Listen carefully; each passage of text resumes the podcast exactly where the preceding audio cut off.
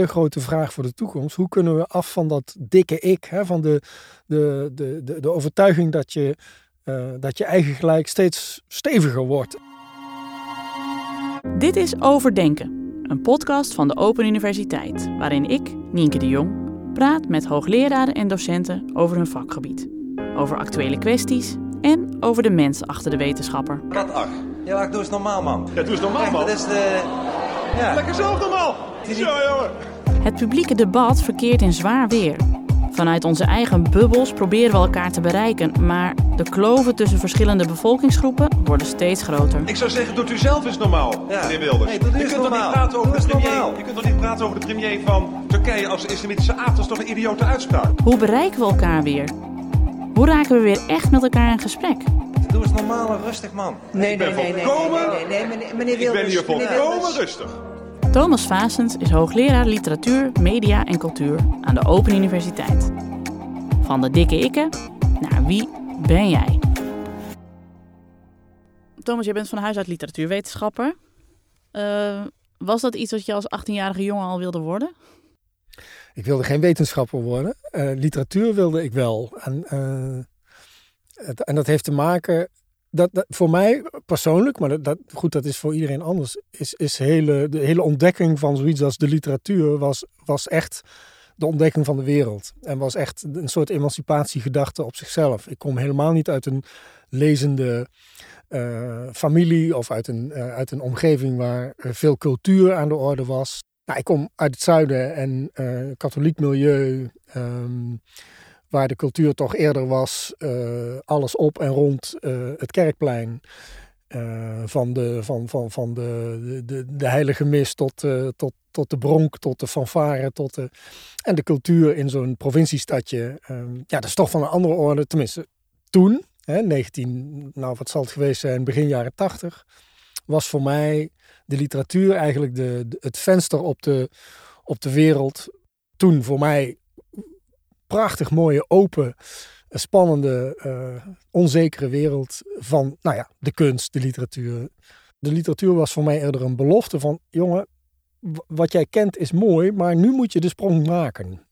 En nu eh, is je verbeelding vrij om je eigen leven te, eh, vorm te gaan geven. En dan ga je van een soort tunnelvisie ineens, strekt de wereld zich voor jou open en blijken de mogelijkheden eindeloos. Nou ja, in ieder geval, wat, wat, waarom ik naar de grote stad wilde, is om niet meer steeds hetzelfde soort mensen tegen te komen. Jij schreef, ehm, we, zijn, we zijn het eigenlijk steeds minder eens met elkaar. Maar hoe komt dat? Ja, daar zijn allerlei redenen voor aan te wijzen. Kijk, op het moment dat er heel veel plekken zijn waarop je je kunt uiten, en niet bijvoorbeeld maar één krant of één televisiezender, maar bijvoorbeeld de social media, waar ook geen drempels worden opgeworpen voor wie dan ook om te zeggen wat hij of zij denkt, eh, dan, dan, klinken er natuurlijk veel meer stemmen en zijn er in principe veel meer stemmen hoorbaar dan hè, wanneer die social media en andere vormen van uitingsmechanismen er, er niet zijn. En tegelijkertijd zie je door de veelheid van al die stemmen en de veelheid van al die kanalen om je stem te laten horen, dat er ook allerlei bubbels ontstaan waar mensen elkaar opzoeken als ze hetzelfde denken over dingen. En binnen die bubbels is men het eens. En omdat men het eens is, wordt dat gelijk steeds groter en sterker. Niemand spreekt dat ook nog tegen. En ergens anders ontstaat weer een andere bubbel waar men het ook eens is, maar op hele andere gronden en over hele andere dingen. En zo lijkt je het, zo lijkt je je te kunnen uiten in een veilige omgeving waar iedereen denkt dat je gelijk hebt. Maar tegelijkertijd worden de afstanden met die andere bubbel steeds groter en steeds de kloof steeds dieper en de oneenigheid steeds groter. Stel, we doen er niks aan. Hè? We, we houden de bubbels zoals ze zijn. We zitten lekker in ons, we wentelen in ons, onszelf in ons eigen gelijk. En we, we, we reiken helemaal niet de hand naar elkaar. Waar, waar eindigt dat dan? Nou, ik, wat ik het zorgelijkst vind is de, dat, dat ehm, het gepercipieerd wordt als emancipatie van het individu. En, en eh, dat is heel moeilijk. Je kunt heel moeilijk iemand zeggen: eh, jij mag je niet emanciperen. Dat, sterker nog, dat is totaal onmenselijk.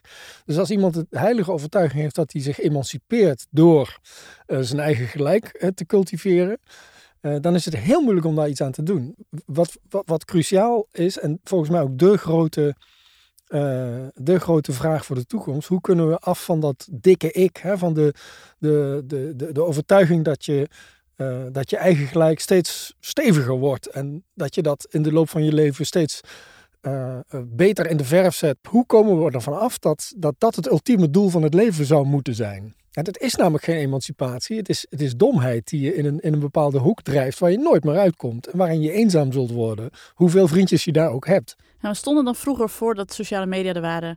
En we alleen maar een brief naar de krant konden sturen om ons ongenoegen te uiten. Stonden toen, laat ik zeggen, de extreemrechtse Erkenbrand aanhanger. Stond hij dichter bij de omroep zwart achtige. Stonden die toen dichter bij elkaar? Nee, de, nee, de uitersten eh, staan, hebben natuurlijk altijd lijnrecht tegenover gestaan. Maar, maar de vraag is, is er tussen die uitersten nog een soort centrum uh, waar iedereen zich toe moet verhouden? En op het moment dat ik aan de uiterste rand van het spectrum sta, aan de ene kant en ik moet praten met de, de, andere uiterste via dat centrum. Bijvoorbeeld via de krant waar ik die brief naartoe stuur. Of via de, de, de, dat, dat ene radioprogramma dat er in de jaren 50 was. Dan is er altijd een soort plaats waar onderhandeling plaatsvindt. Uh, ja, waar je toch zoekt naar een soort gemeenschappelijke grond. Ondanks alle verschillen. Die gemeenschappelijke grond maakt die verschillen zichtbaar. Maar als die gemeenschappelijke grond of dat gemeenschappelijke centrum er niet is ja, dan, dan kan iedereen zijn eigen taal blijven spreken. En niemand hoeft zich nog te verhouden tot een soort, ja, laten we zeggen, gedeeld, uh, gedeeld basisprincipe of gedeelde basiswaarden. Uh, omdat die, ja, er is geen centrale plek uh, hè, waar, die, waar die waarden worden bewaakt. Wat je ook ziet, en dat is eigenlijk heel paradoxaal, of dat, dat, dat klopt eigenlijk ogenschijnlijk niet met die voortdurend geruzie op de sociale media heel veel mensen zijn op zoek naar wat ons bindt. En wat we of wij, wat dat eigenlijk betekent en wie wij zijn. Hoe komt het dan dat we daar toch zo naar verlangen?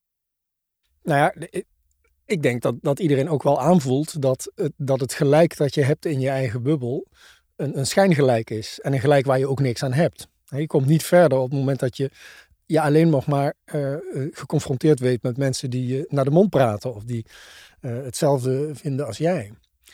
En dus men zoekt naar iets, uh, naar, toch naar een centrum, naar een plek waar we wel kunnen uh, debatteren of onderhandelen over wat we echt belangrijk zijn. Hè? En, en, en wie zijn we nou eigenlijk? Of wie willen we zijn?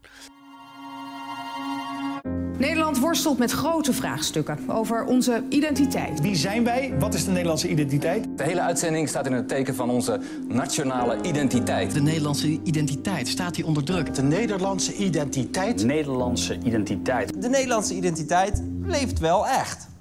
Een mooie en rustige bijdrage aan het huidige reflectie op wij en ons is het rapport Denkend aan Nederland van het Sociaal en Cultureel Planbureau uit 2019. Een van de conclusies van het rapport was, in het licht van het voorgaande, best een beetje opmerkelijk. Die conclusie luidde dat, ondanks de scherpe tegenstelling in het publieke debat, Nederlanders tamelijk eensgezind zijn over wat Nederland tot Nederland maakt. Enig eenheidsverlangen kan denkend aan Nederland beslist niet worden ontzegd. Maar de vraag is of dat erg is. Misschien rechtvaardigt juist dat eenheidsverlangen, niet alleen van de opstellers van het rapport, maar ook van de onderzoeken waarop het gebaseerd is, de hypothese dat het misschien best meevalt met de polarisatie. Biedt de kennelijke eensgezindheid over wat Nederland tot Nederland maakt wellicht een aanknopingspunt om aan de polarisatie voorbij te komen? Verlangen van uh, heel veel mensen naar een gemeenschappelijkheid of naar een gemeenschappelijke grond wordt, is heel makkelijk te misbruiken. He, door mensen die demagogisch uh, de illusie uh, presenteren van kijk eens, hier is dat gemeenschappelijke, hier is onze gemeenschappelijke identiteit of dit is het.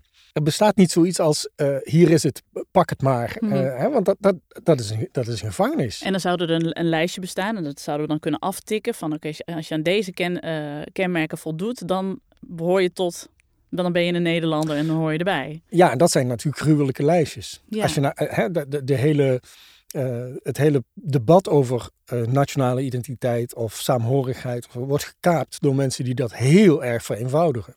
En dan krijg je dus uh, de potten pindakaas en de boerenkool met worst en de windmolens en de weet ik wat. Dat is dan de Nederlandse identiteit. Het Sinterklaasfeest. Blijf af van Zwarte Piet.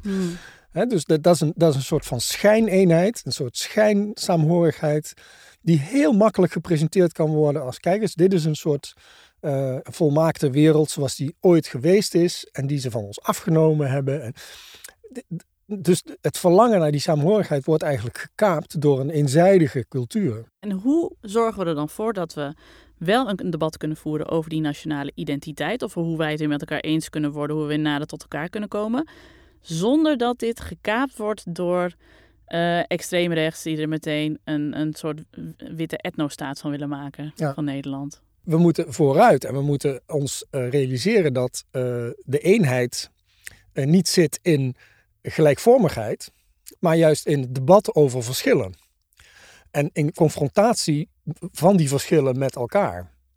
En ik geloof heilig in, in het idee dat innovatie en verandering tot stand komt door verschillen te laten bestaan en door verschillen elkaar te laten opzoeken. En dus er is ook een verband tussen diversiteit en innovatie. En culturele diversiteit en innovatie. En culturele diversiteit is nou precies uh, het doorbreken van de schotten tussen al die bubbels. Mhm. En het doorbreken van ieders eigen gelijk. En het gelijk ter discussie stellen. dus toch terug naar zoiets als ja, welke fundamenten zien wij onder onze zogenaamde waarheden en onder onze zogenaamde gelijken. En over die fundamenten te praten. En dan mag je het over oneens zijn, maar door er samen over te praten, daar zit de eenheid. En daar zit de saamhorigheid. En die sleutel ligt dus eigenlijk in de cultuur. Ik denk dat die in de cultuur ligt, in de, in de rijkheid van de cultuur. En dus je kunt zeggen, ik wil saamhorigheid, dus ik moet een monocultuur hebben. Maar volgens mij is dat een heilloze weg. Dat is een heilloze weg omdat dan allerlei monocultuurtjes als bubbels naast elkaar gaan bestaan. De, de cultuur, de rijkheid van de cultuur is nou juist de, de onvoorspelbaarheid ervan, de onstuurbaarheid ervan. Het feit dat um, er dingen gebeuren die we nooit verwacht hadden en dat we daarover moeten praten. En, en dus de, de diversiteit van de cultuur en de openheid van de cultuur. En vooral de toekomstgerichtheid van cultuur. Daar ligt de sleutel. Daar vind je een nieuw verband. Maar hoe zorg je dan in basis al voor dat die neuzen dezelfde kant op gaan, dat je elkaar ook weer wilt begrijpen? Nou ja, laten we om te beginnen proberen de mensen benieuwd te maken naar uh, waarom de ander zo uh, op zijn gelijk staat. Dat is het, hè? De, de waarom-vraag wordt nooit meer gesteld, toch?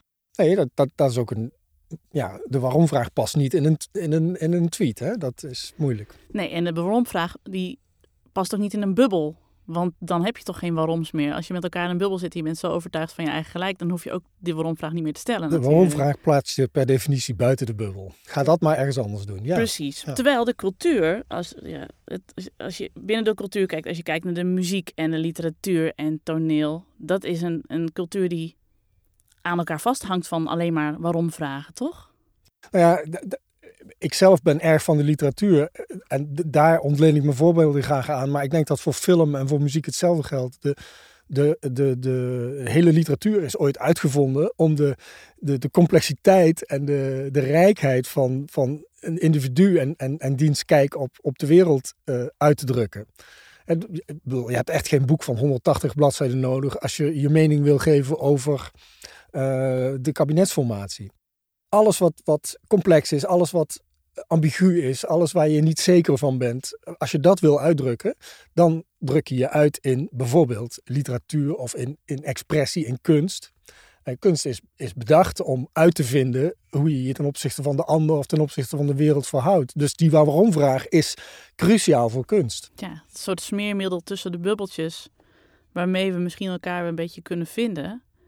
Maar ja, uh, kijk naar het huidige cultuurlandschap in Nederland. Daar is de afgelopen jaren uh, een grote kaalslag. Uh... Nou ja, dat is precies mijn punt. Dus, dus het stelselmatig bezuinigen op cultuur. Het stelselmatig neerbuigend doen over cultuur. Hè? Zet maar gewoon een dvd'tje op. musea hoeven echt niet open, maar de bordelen wel.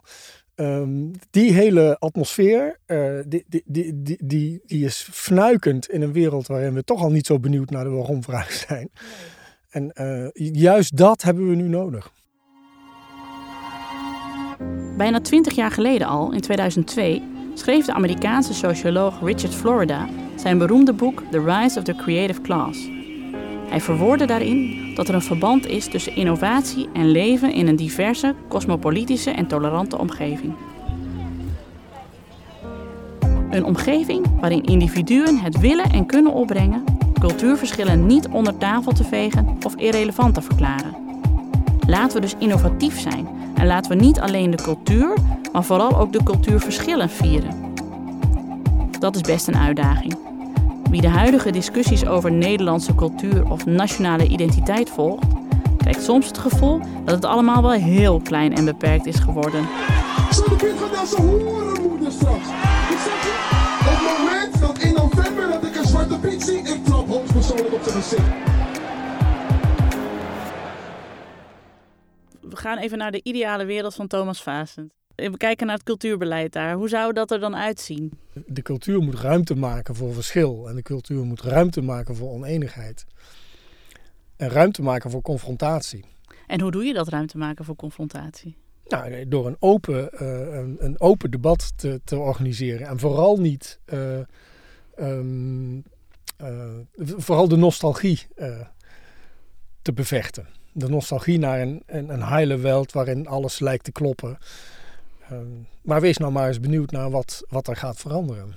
Meer de, de, de blik naar voren in plaats van de blik, blik naar achteren in ieder geval. Ja, en de blik gericht op de ander vooral. Mm. Of de vermeende ander. Ja, ik, ik, ik, zou, ik zou, dat mensen, zou willen dat mensen benieuwder werden naar um, de achtergronden van wat de ander uh, in zijn bubbel uh, hard roept. Dus de retorica moet uit het debat en de dialectiek moet terug in het debat gaan. Mm -hmm. En niet de monoloog die je afvuurt binnen je eigen bubbel. Lijkt me nog best lastig om dit voor elkaar te krijgen. Ik denk dat het gebeurt. Ik geloof in de weerbaarheid en in de levensvatbaarheid van de cultuur als systeem. Uh, er zullen altijd jonge mensen zijn die de wereld opnieuw bedenken in hun kunst, of in hun uh, uh, mode, of in hun film, of in hun muziek, of in hun wat ze ook doen. Um, maar laten we daarnaar kijken. En laten we podia maken waarop dat zichtbaar kan worden. En laten we dat niet overlaten aan een soort um, rafelrand van de samenleving. Maar laten we benieuwd zijn naar wat er gebeurt. En daar ook over berichten. En niet uh, hè, in een setting waarin je uh, de tegenstander ernaast zet. Maar in een setting waarin iemand de ruimte krijgt en de tijd krijgt om uit te leggen wat er gebeurt. En wat er voor hem of haar belangrijk is. Mm-hmm. Hoe lok je dan mensen van verschillende bubbels eigenlijk weer naar elkaar toe? Want als ik denk aan cultuur en ik denk bijvoorbeeld aan. Er is een toneelvoorstelling. Uh, op een toneelvoorstelling komen doorgaans uh, steeds dezelfde types af, zeg maar. Dat is. Uh... Nou, ik geloof dat dus. Dat, dat, ja, op, naar de toneelvoorstelling in de Amsterdamse stad Schouwburg. Mm. Maar er wordt overal geacteerd. Ja. En er, er, zijn overal. en, en daarom zeg ik, cultuur moet decentraal zijn. We moeten de, de, de kleine cultuur echt emanciperen. De kleine cultuur als in niet focussen op de culturele industrie en de grote. Het Concertgebouworkest is een wereldmerk, dat weet ik ook wel. En daar, kan, de, daar, daar profiteert Nederland in economische zin enorm van. En het is ook een prachtig exportproduct, et cetera. Maar wat veel belangrijker is als, als, als humuslaag voor onze cultuur, voor onze, voor onze samenleving, is de kleine cultuur. Die, die daar nog lang niet is en daar ook nooit zal komen, omdat het tijdelijk is. En, en dat is het amateurtheater in het buurthuis in, uh, in Sittard. Het amateurtheater, maar ook het avant-garde theater en het theater van uh, uh, um, kleine minderheidsgroepen en allerlei kleinere initiatieven die, die eigenlijk veel belangrijker zijn dan we denken. En dat is niet iets, dat, dat, hè, dat is niet een linkse hobby, of dat is niet iets dat we uh, vanuit een soort sociale bekommernis moeten uh, uh, financieren. Nee, dat is cruciaal voor wie we zijn en voor wie we willen zijn en voor hoe we met elkaar in gesprek komen. Ja, ik, ik zou zeggen, de ultieme daad van emancipatie is jezelf ter discussie durven stellen en je eigen gelijk ter discussie, durven stellen. En dus terug naar de, inderdaad, naar de fundamenten van je denken. En um, niet, niet om, om daar te ontdekken dat die fundamenten uh, willekeurig zijn of niet universeel of zo. Ik bedoel, dat weten we nou allemaal wel. Maar om te kijken uh, hoe, hoe je je op dat niveau verhoudt tot een ander. Ja, toch weer die waarom-vraag. Ja. Uh, je, je, zei, ik, je ging als jonge jongen vanuit Zuid-Limburg naar Amsterdam om meer mee te maken, andere mensen tegen te komen, uit je, uit je zeiltje te, te, te breken. Eh, je bent sinds een jaar weer terug in Zuid-Limburg. Is het, is het veranderd? Ja, ja, tuurlijk. De, de wereld is totaal veranderd en het is niet meer ver weg. En dat, dat heeft ook weer te maken met de manier waarop we met elkaar communiceren natuurlijk. Maar ook met, ehm, ja, als je nu een jongetje van 15 bent, dus niet toen ik dat was, maar nu in de wereld van vandaag, en je woont ergens in een gat in de provincie, dan ben je veel meer aangesloten bij wat er in de rest van de wereld gebeurt dan ik destijds was. En de, de, de lokale cultuur is ook overal veel globaler geworden uh, dan, het, dan het toen was. En uh, dus dat, dat, gevoel van bijna eenzaamheid van, de, van het jongetje in de provincie of het meisje in de provincie, dat is, dat is zo radicaal veranderd ten opzichte van nou, 40 jaar geleden. En dus dat, de, de, de, de, het wakker worden met de literatuur, zoals ik dat net beschreef, dat kan nog steeds wel, maar dat heeft een hele andere dimensie. Ja, dat is wel nog mijn achtergrond. Ik heb nog hele, hele rechtlijnige en gekke denkbeelden over de provincie. Daar moet ik echt ook wel van af, want dat, is, dat bestaat natuurlijk niet meer. Jij, jij leert nu ook, nu je terug bent in de provincie, leer je de provincie ineens weer veel beter kennen. nou, dat niet. Ik moet nog erg oefenen om mij het eh, plaatselijke dialect opnieuw eigen te maken, maar ja. Dankjewel. Dit was Overdenken. Hopelijk heb je er iets van opgestoken. Bedankt voor het luisteren en graag tot de volgende.